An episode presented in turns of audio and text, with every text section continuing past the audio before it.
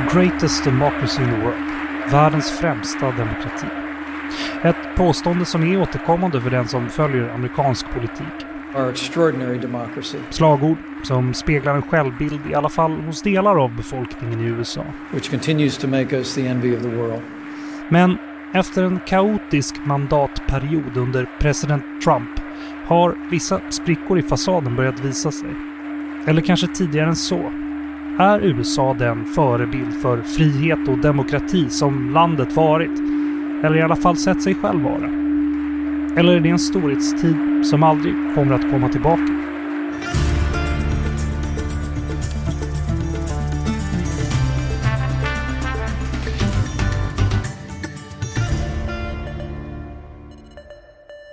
Det här är Utrikespolitiska institutets podd Utblick. Jag heter Jonas Lövenberg. Välkomna! Ja, jag måste nog börja med att säga att vi inte tror eller påstår att samtliga amerikaner tycker att deras demokrati är den främsta i världen. Det finns ju mycket som pekar på motsatsen. Men påståendet vi undersöker är en del av USAs varumärke och därför så är det utgångspunkten för vårt samtal i det här avsnittet. Och sen är det också så att personer i höga positioner återkommer till idén med jämna mellanrum.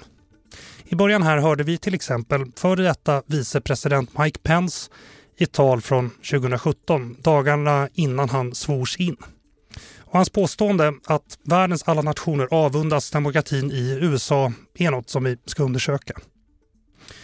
För att hjälpa mig med det här och eh, även vrida och vända på hur det står till med demokratin i USA så har jag med mig på länk Frida Stranne, forskare och lektor vid Högskolan i Halmstad och associerad forskare vid Svenska institutet för Nordamerikastudier vid Uppsala universitet. Välkommen Frida!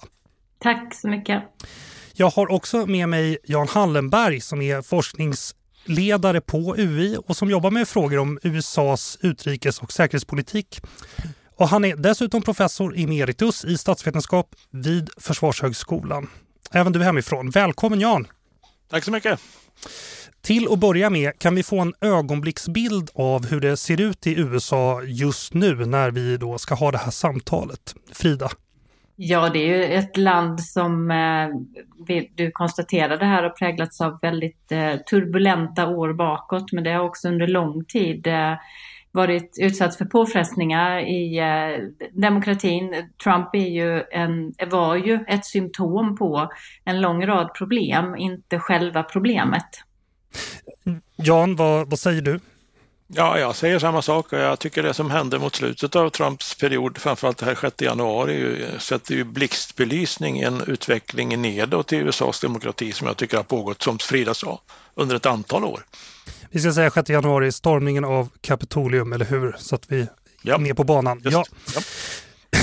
I, I de olika eh, rankingar som görs av länders demokratier runt om i världen så har USA tappat placeringar om och om igen under de senaste åren. Till exempel så har USA tappat i Freedom House rankning. USA får 83 poäng av 100, vilket är lägre än, än många andra länder som till exempel Chile, Costa Rica, Slovakien.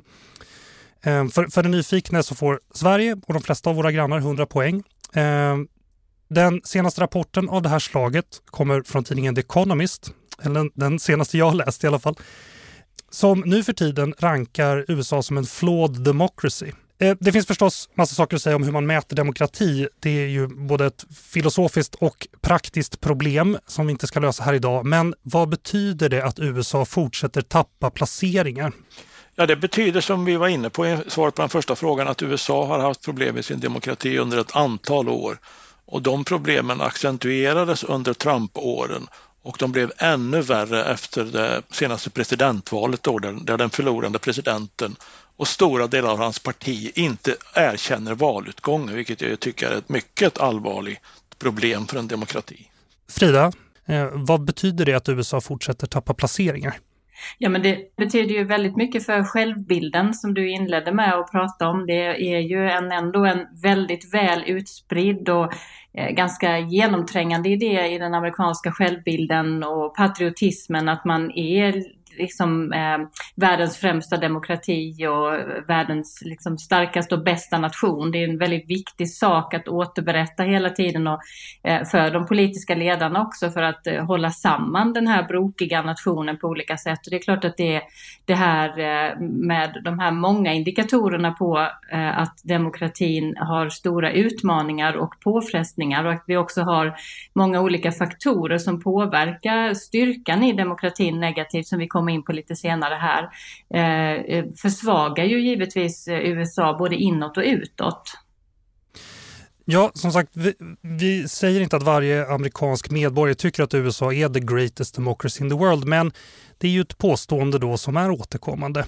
Så finns det någon grund för det här? Jag ringde upp en kollega till Frida för att få en liten historielektion, nämligen Dag Blank. Han är professor i Nordamerikastudier vid Uppsala universitet och föreståndare för Nordamerikainstitutet i Uppsala.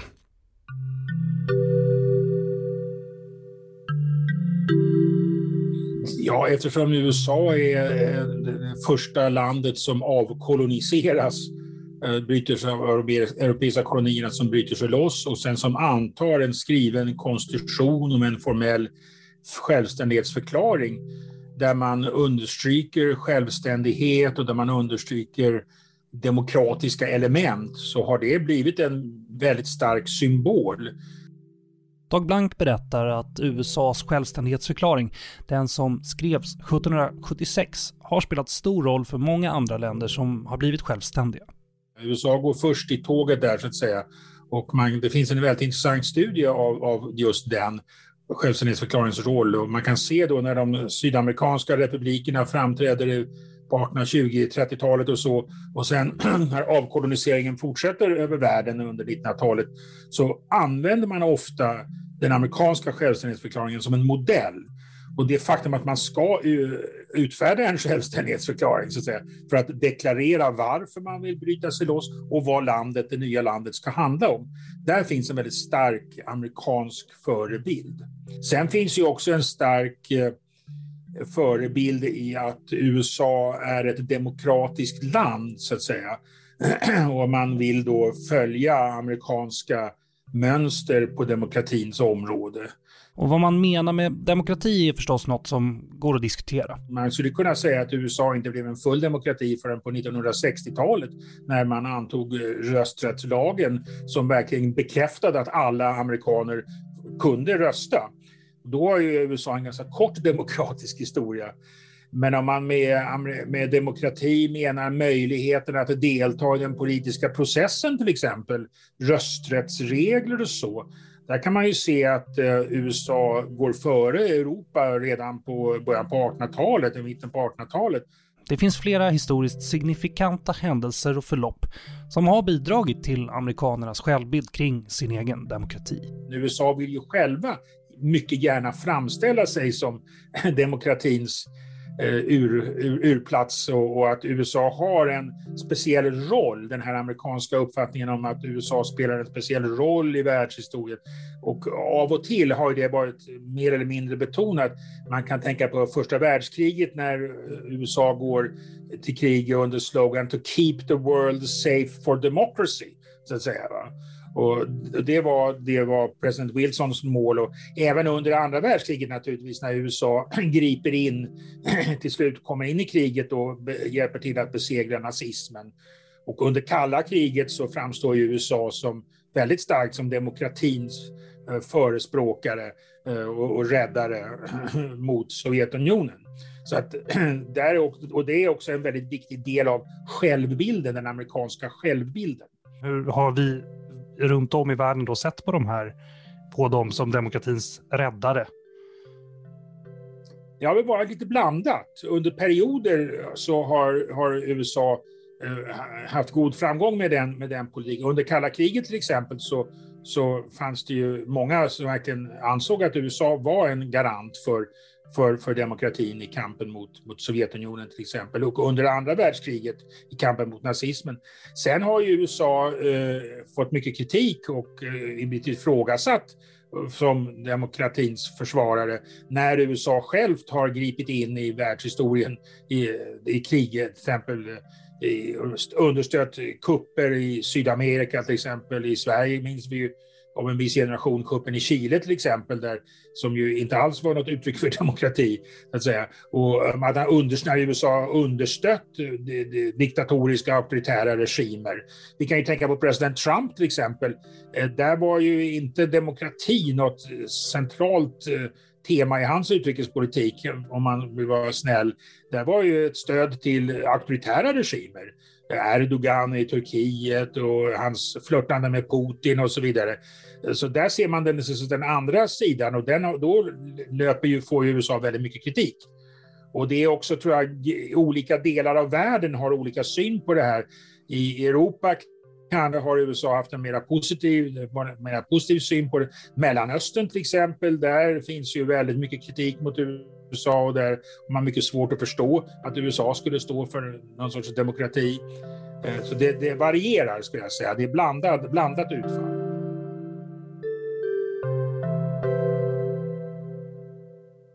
Dag berättade ju om hur USA inspirerat till både grundlagar och självständighetsdeklarationer. Men hur, hur ser världen på USA efter de senaste fyra åren efter Trumps presidentskap?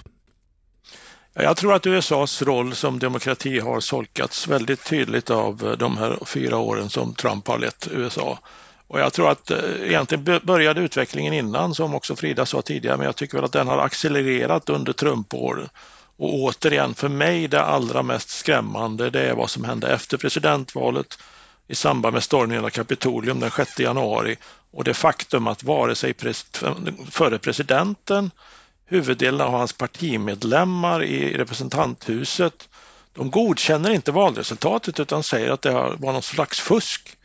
Eh, och, det stöds av väldigt många republikanska väljare, upp till 70 procent i vissa valundersökningar, vissa opinionsundersökningar. Detta är ju ett förfärligt allvarligt tillstånd när en stor del av den politiska klassen, en stor del av väljarna inte godkänner det mest fundamentala i en demokrati, nämligen valet av statsledaren.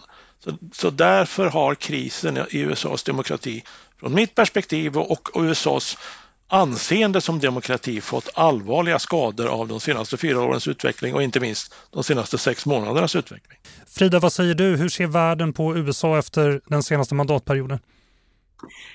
Jag skulle nog egentligen vilja säga att man har lite mer nykter syn på USA och framförallt utvecklingen de senaste decennierna som jag tycker att eh, man har missat, åtminstone i eh, hur vi talar i offentligheten om det hela. Det är klart att det har pågått forskning och man har kunnat också peka på olika saker som har utvecklats över tid, ehm, som också påverkas av den djupa polariseringen och som skapar nya konfliktytor och, och på olika sätt också underminera eh, robustheten i den amerikanska ekonomin. Men jag håller, en, jag håller samtidigt med Jan om att eh, här, den här utvecklingen de senaste fyra åren har ju eh, verkligen kastat liksom bränsle på detta på ett sätt som är ju en mycket allvarlig utveckling och just när, man, när så många människor ifrågasätter ett valresultat och vi har en president som agerar på det sättet och, och också inte bara presidenten, alltså den tidigare president Trump och, utan många i hans parti på det sätt som man har gjort i samband med det här valet så är det ju oerhört anmärkningsvärt och, och ytterst allvarligt. Så här i efterhand, och vad säger själva valet av Trump då om den amerikanska eh, demokratin? Vi, vi, vi har ju pratat här nu om, om vad som har hänt när han har haft makten eller han och hans kabinett har haft makten. Men, men så här i efterhand, vad säger eh, att, att det var han som valdes? Vad säger det om demokratin och, och kanske om valsystemet? Jag skulle vill ju mena att det, det illustrerar det som uh, Frida var inne på, nämligen grundläggande problem i, i, den amerikanska demokratin. Jag tycker att det illustrerar problemen med personvalet.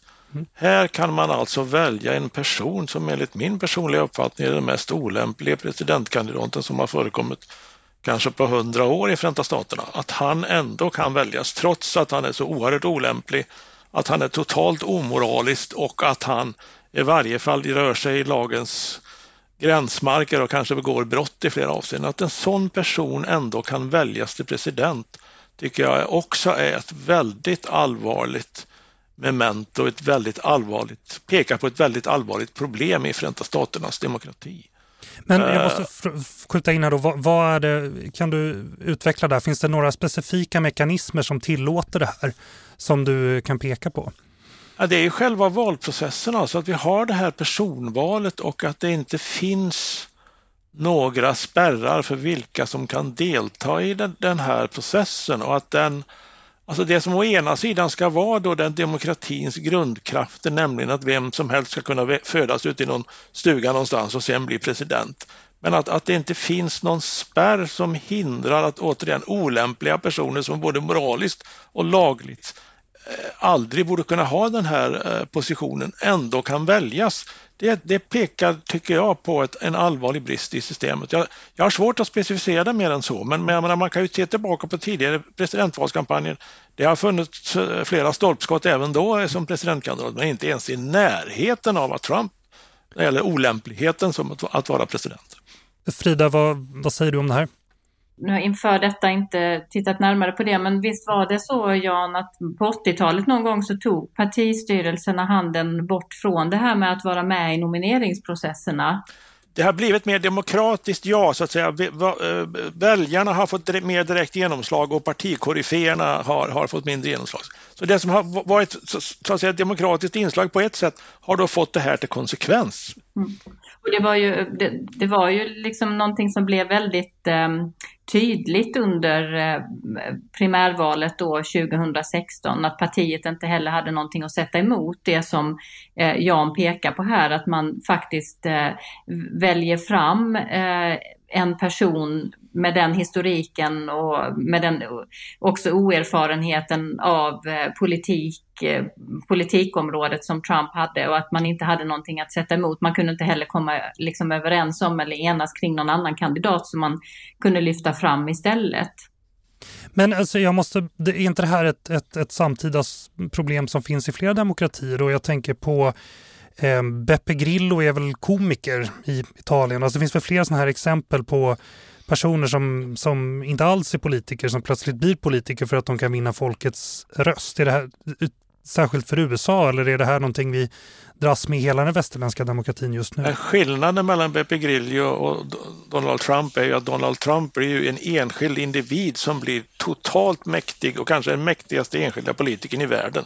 Beppe Grillo är ju inte ens i närheten och därför är ju det problemet större i en, en två, ett tvåpartisystem med presidentval medan Beppe Grillo är en ledande politiker i ett land med ett parlamentariskt system med ett antal olika balanserande partier. Så därför blir den här problematiken mycket större. Men du har ju rätt att de här populisterna eh, har under senare decennier fått större möjligheter att ta sig fram i olika politiska system med olika typer av utvecklade, mer eller mindre utvecklad demokrati.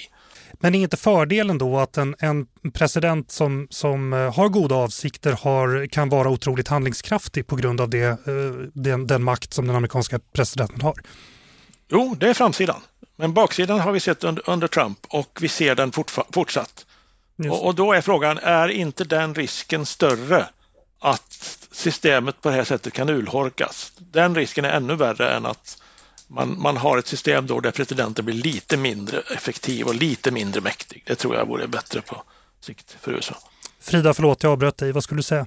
Jag tänkte att här är också en rad olika samverkande faktorer i detta som är problematiska i USA och eh, man kan ju se bland annat då eh, pengarnas inflytande eh, i de politiska kampanjerna men vi kan också se hur man ritar valdistrikten och det låga valdeltagandet som en del av hela problematiken. Det blir ofta extrema grupperingar och väljare som får ett väldigt oproportionerligt stort inflytande över politiken politiken och vilka som väljs. Både då kanske president eh, Trump i det här fallet när han blev vald 2016 men också eh, representanter i, i kongressen, alltså senaten och representanthuset eftersom de som eh, har mycket eh, pengar att stoppa in i kampanjer och de som också engagerar sig i politiken ute i de olika valkretsarna eh, allt mer har dratt sig åt extrema håll. Och så att här finns en lång rad problem som liksom vävs samman i en, i en väldigt komplex problematik.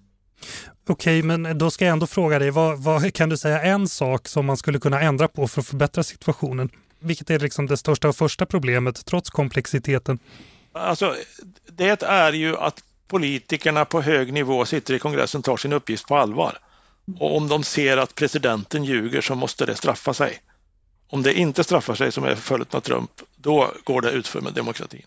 Så Men det, det är liksom, ja, ja. ja men, Nej, jag skulle bara säga där att där är ju ett exempel just på det. Varför gör de inte det? Det kan man ju ställa sig den frågan. Och här har vi ju precis det jag var inne på tidigare. De är ofta eh, invalda och de är, eh, har ett mål att bli omvalda och stöttas då i sina valdistrikt av eh, människor eller väljare som är resursstarka eller är väldigt aktiva för att försöka påverka sin representant, alltså sin senator eller sin eh, representant i, i kongressen. Och, och de har ett väldigt starkt inflytande. Och här har vi ju sett att de som har varit högljudda och de som har haft ett stort inflytande det är en, en eh, en bred, en bred och betydande bas av Trump-anhängare som ju har satt press på eh, de som representerar dem i kongressen att, att stötta eh, den här politiken, hur vansinnig den än har varit i, i, i våra ögon då och eh, på, till och med då när det, när det blev den här situationen som urartade på det här extrema sättet som hände efter valet och, och som då ledde till stormningen den 6 januari. Men, men du, har, för, för, för, du har ju helt rätt Frida. Men om det är viktigare att, att, vinna nästa val till senaten eller representanthuset eller till presidentposten än att bevara demokratins fundament, då är det något fundamentalt problem med ett demokratiskt system. Men, men okej, okay, så det saknas både incitament här att hålla efter ledare som Trump eller andra personer som skulle kunna hamna i hans position och så finns det också en politisk kultur då som har under de senaste åren förändrats så pass mycket så att man, eh, man hellre ser efter sina intressen ut i, alltså till någon extrem nivå istället för att eh, se efter demokratin. Ja, och den har ju, det har ju också tystat väldigt många. Vi, vi, det talas ibland om att det inte finns någon politisk mitten. Jag är väldigt frågande till det. Jag tänker att väldigt många av dem som eh, i, idag känner sig alienerade politiskt och inte engagerar sig och inte ser liksom just att rösta som vägen till en, en samhällelig förändring. Det är de som inte längre uppfattar sig, känna sig hemma i vägen som partierna har valt att utvecklas och framför allt då Republikanerna för de har gått väldigt, väldigt långt högerut och eh, drivit på av en, en väldigt eh, liksom tydliga särintressen under de senaste decennierna. Nu har vi sett en, en vänstervridning absolut och progressiva som har fått ökat genomslag också bland demokraterna men det är lite mer eh, det, är en senare utveckling, men där finns ju givetvis väldigt många liksom, traditionella mittenväljare också som inte riktigt känner igen sig. Men och det där du säger att eh, det kanske finns mer progressiva idéer nu, då, är, är inte det att, att pendeln svänger ju vid något tillfälle? Det är väl också en reaktion på Trump, Trump att, det, att, att de faktiskt har tagit sig mer tid att engagera sig hos här, de, de delarna av befolkningen som behöver mobiliseras för att rösta bort Trump. Och dessutom är det ju en illustration av de enorma problem i samhället som Frida har talat om tidigare med, med rasproblemen, med oerhört ojämlik fördelning av fatt, rikedom och fattigdom och Förenta Staterna. De problemen har kommit till blixtbelysning under pandemiåret. Och nu har det öppnat sig då en möjlighet att göra någonting åt detta och den möjligheten verkar ju Biden ta. Sen får vi se hur långt han når men Alltså de här förslagen, de här tre, fyra stora lagförslagen är ju av enorma proportioner i ett amerikanskt perspektiv. Ja, du får upplysa oss, det är infrastructure bill och lite andra sådana saker. Ja, det är två stycken, mm. precis. Det är en stor infrastruktur och sen är det en familj, familjeplan och så mm. finns det ytterligare någon. Det är alltså 6 000 miljarder dollar, det är ju visserligen på 8-10 år, men ändå.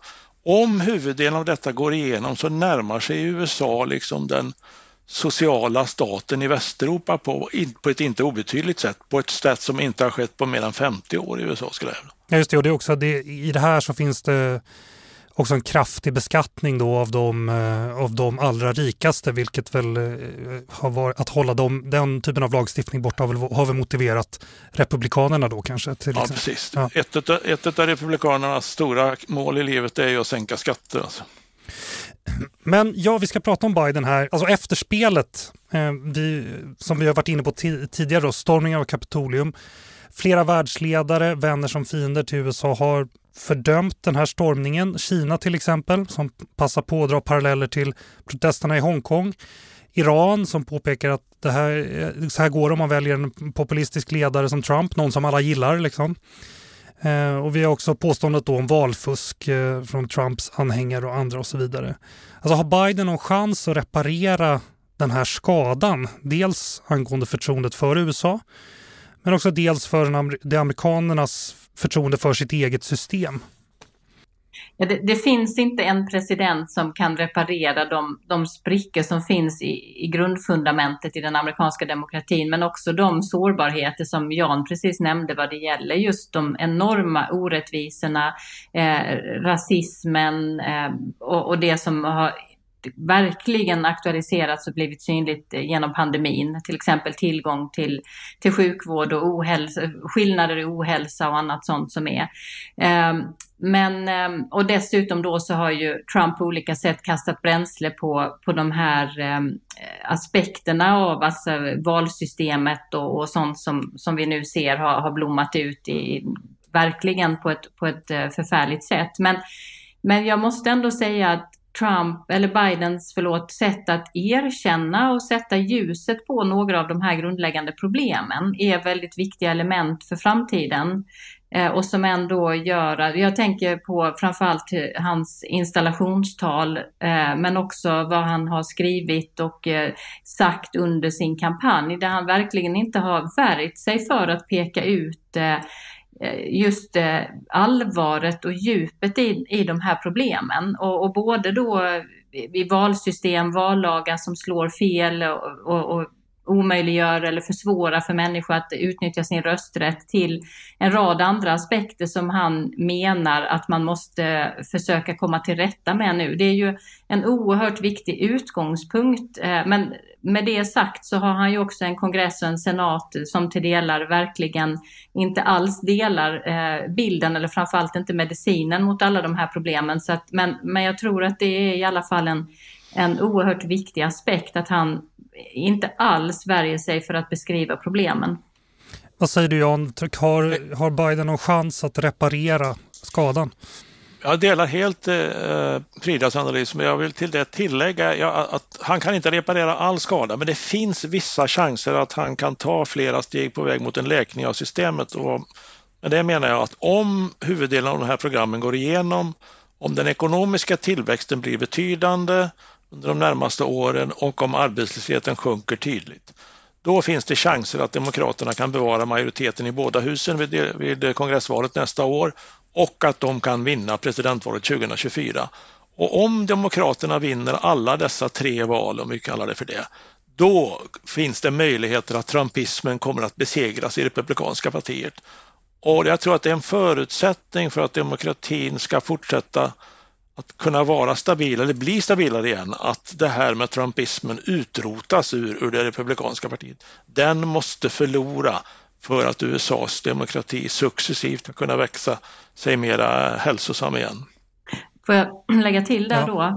Eh, för jag håller återigen helt med och jag tänker att det är verkligen eh, någonting som vi måste förstå att det finns väldigt många av dem som satte sin tillit till Trump eh, är tidigare demokrater också. Det finns också många människor som under lång tid har valt att inte rösta därför att de har känt sig övergivna av det demokratiska partiet som har tyckt att man har blivit ett parti för Wall Street eller för eh, de högutbildade eh, storstadsmänniskorna, eh, intellektuella och att man har glömt bort amerikanska arbetare på olika sätt och att man också har ingått handelsavtal och så tidigare som har på olika sätt eh Eh, förflyttat arbetskraft eller minskat löneutveckling och annat sånt. Och de, med de program som, som Biden presenterar, om han får igenom det, om han lyckas med en grön klimatomställning som samtidigt bygger upp förtroendet för, eh, för eh, den, den, amerikanska arbetarens förtroende för systemet och också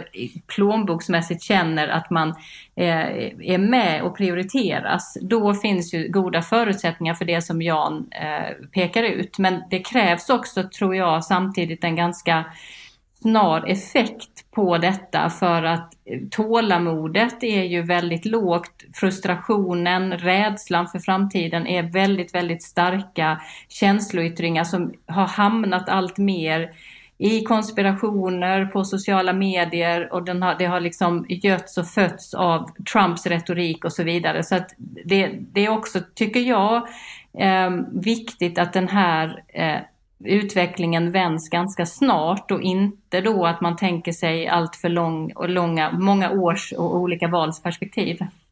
Jag, jag, jag får bara ja. tillägga det, jag håller med, med igen, men jag vill bara tillägga då att det förefaller som om den amerikanska ekonomiska tillväxten i år kommer att bli 6,5 till 8 procent, vilket är den högsta tillväxten sedan 1984 där Ronald Reagan omvaldes. Så att det finns möjligheter. Det skulle hela en del av skadorna och fortsätter den tillväxten i någorlunda samma takt, då tror jag att det här positiva scenariot som jag och Frida i alla fall skissar lite grann på kan bli verklighet, i varje fall till del. Ehm, vi har varit inne på det lite, men de här problemen som, eh, som vi pratar om här har väl egentligen inte uppstått de senaste fyra åren utan det är som ju ni har sagt flera gånger att de har ju visat sig nu.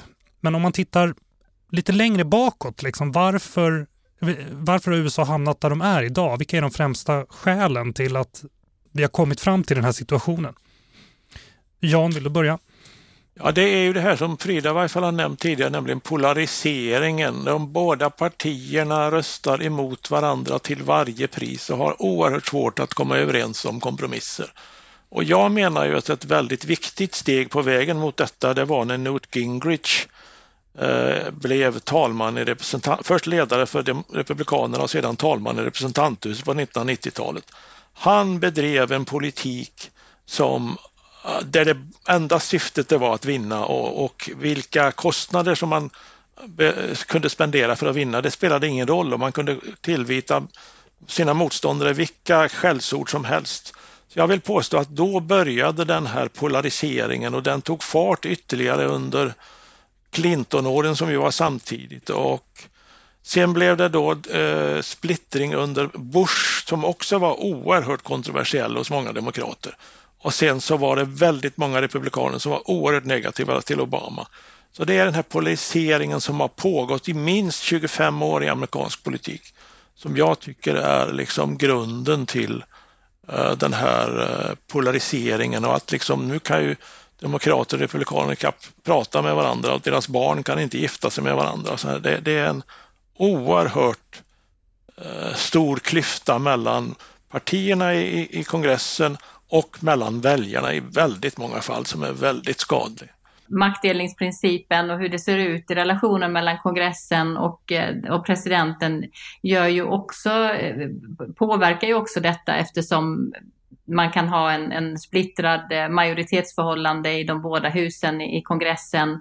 Eh, man har ju alltid gjort eh, liksom tyckt att det har varit en, en väldigt viktig aspekt i amerikansk politik, att det, politik inte ska kunna, det ska inte, man ska inte hasta fram beslut, man ska behöva stöta och blöta och kompromissa längs med vägen. Men den incitamenten för det har försvunnit på senare årtionden, precis som Jan var inne på.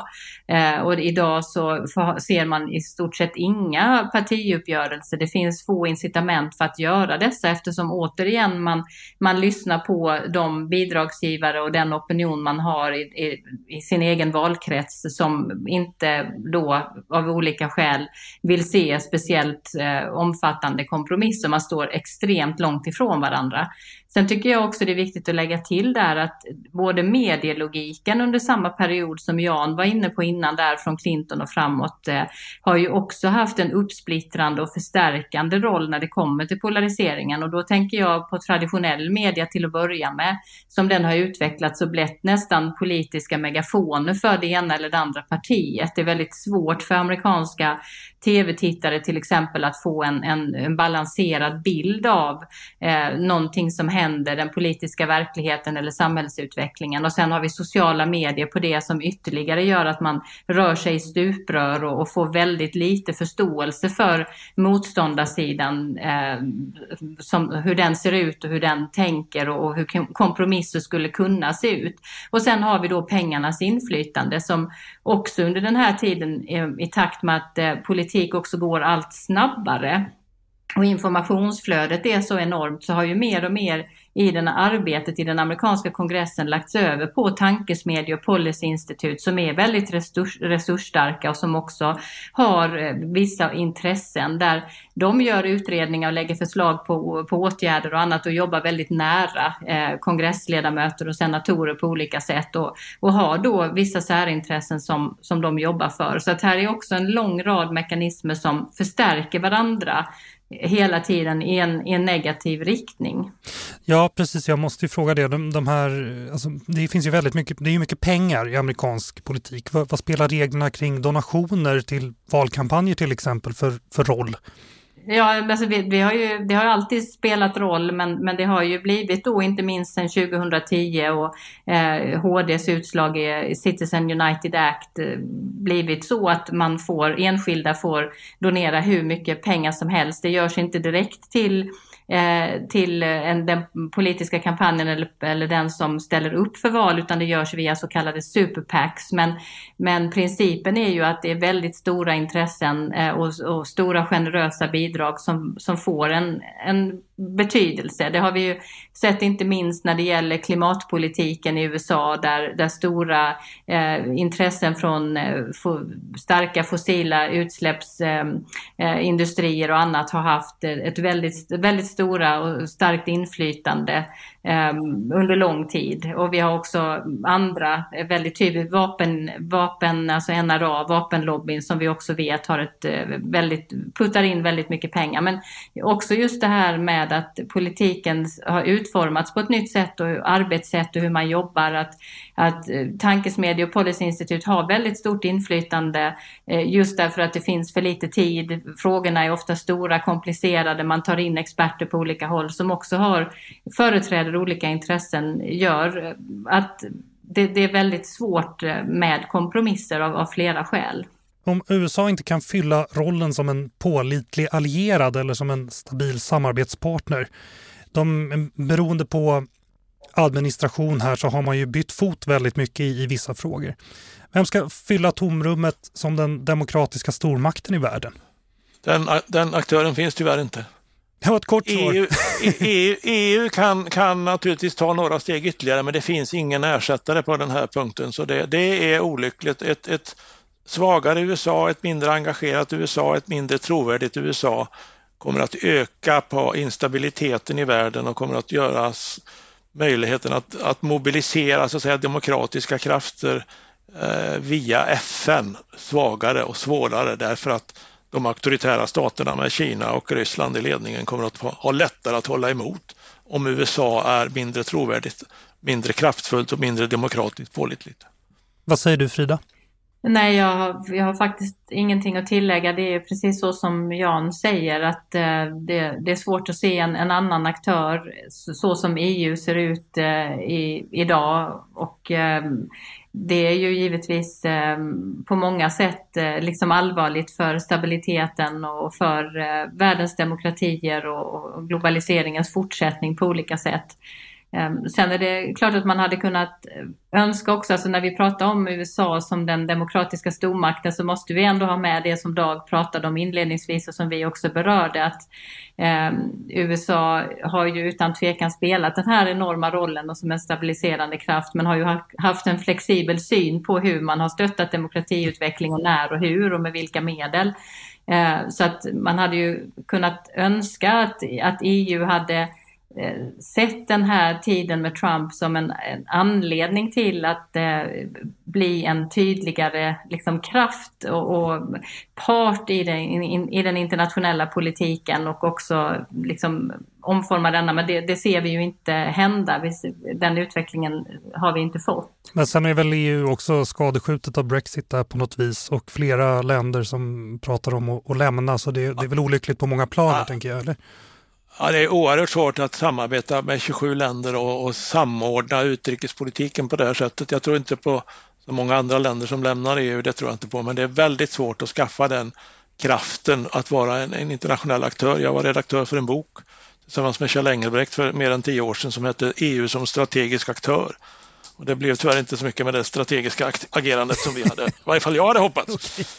Det som, har hänt, det som har hänt Jan är, är väl eh, å andra sidan att man åtminstone när EU samlas och diskuterar idag att man inte att man har sett med ett större allvar på det som händer i USA och att man inte heller tar för givet att den nuvarande då lugnet som ändå har infunnit sig och förtroendet för att eh, liksom Biden-administrationen kommer att agera på ett annat sätt. Att man har en medvetenhet och vill ha en form av beredskap för att någonting annat kan komma efter Biden. Absolut Frida, och det, det, man talar ju om det här nya slagordet strategisk autonomi, alltså en större förmåga att agera på egen hand.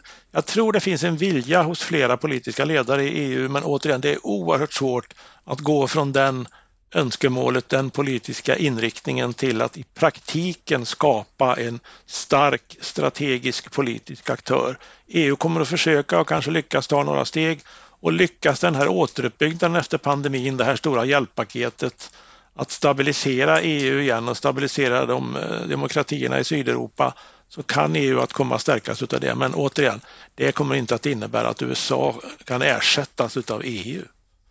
Okej, hur ska omvärlden förhålla sig till USA då framöver? Alltså hur kommer det fungera långsiktigt med, med handel, militära samarbeten och sådär? Apropå det vi pratar om här, att, att vi, inte, vi, vi kan inte lita på att, att nästa mandatperiod eh, ser likadan ut eller att man, det finns någon kontinuitet.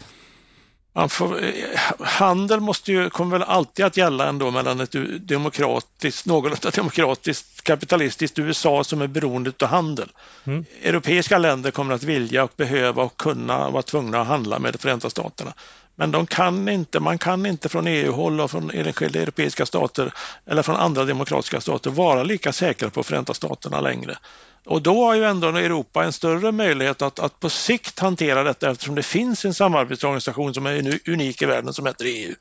De, de asiatiska allierade har ju ännu större problem. Jag menar Japan, eh, Sydkorea, vem ska ersätta USA om liksom det blir en ännu värre Trump som, som drar tillbaka alla styrkor från både Japan och Sydkorea och säger att nu förklarar er själva. Alltså det är ju långt borta men det är inte totalt uteslutet.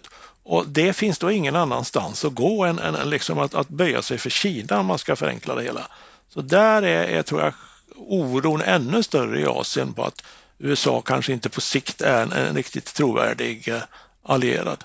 Vad säger du Frida?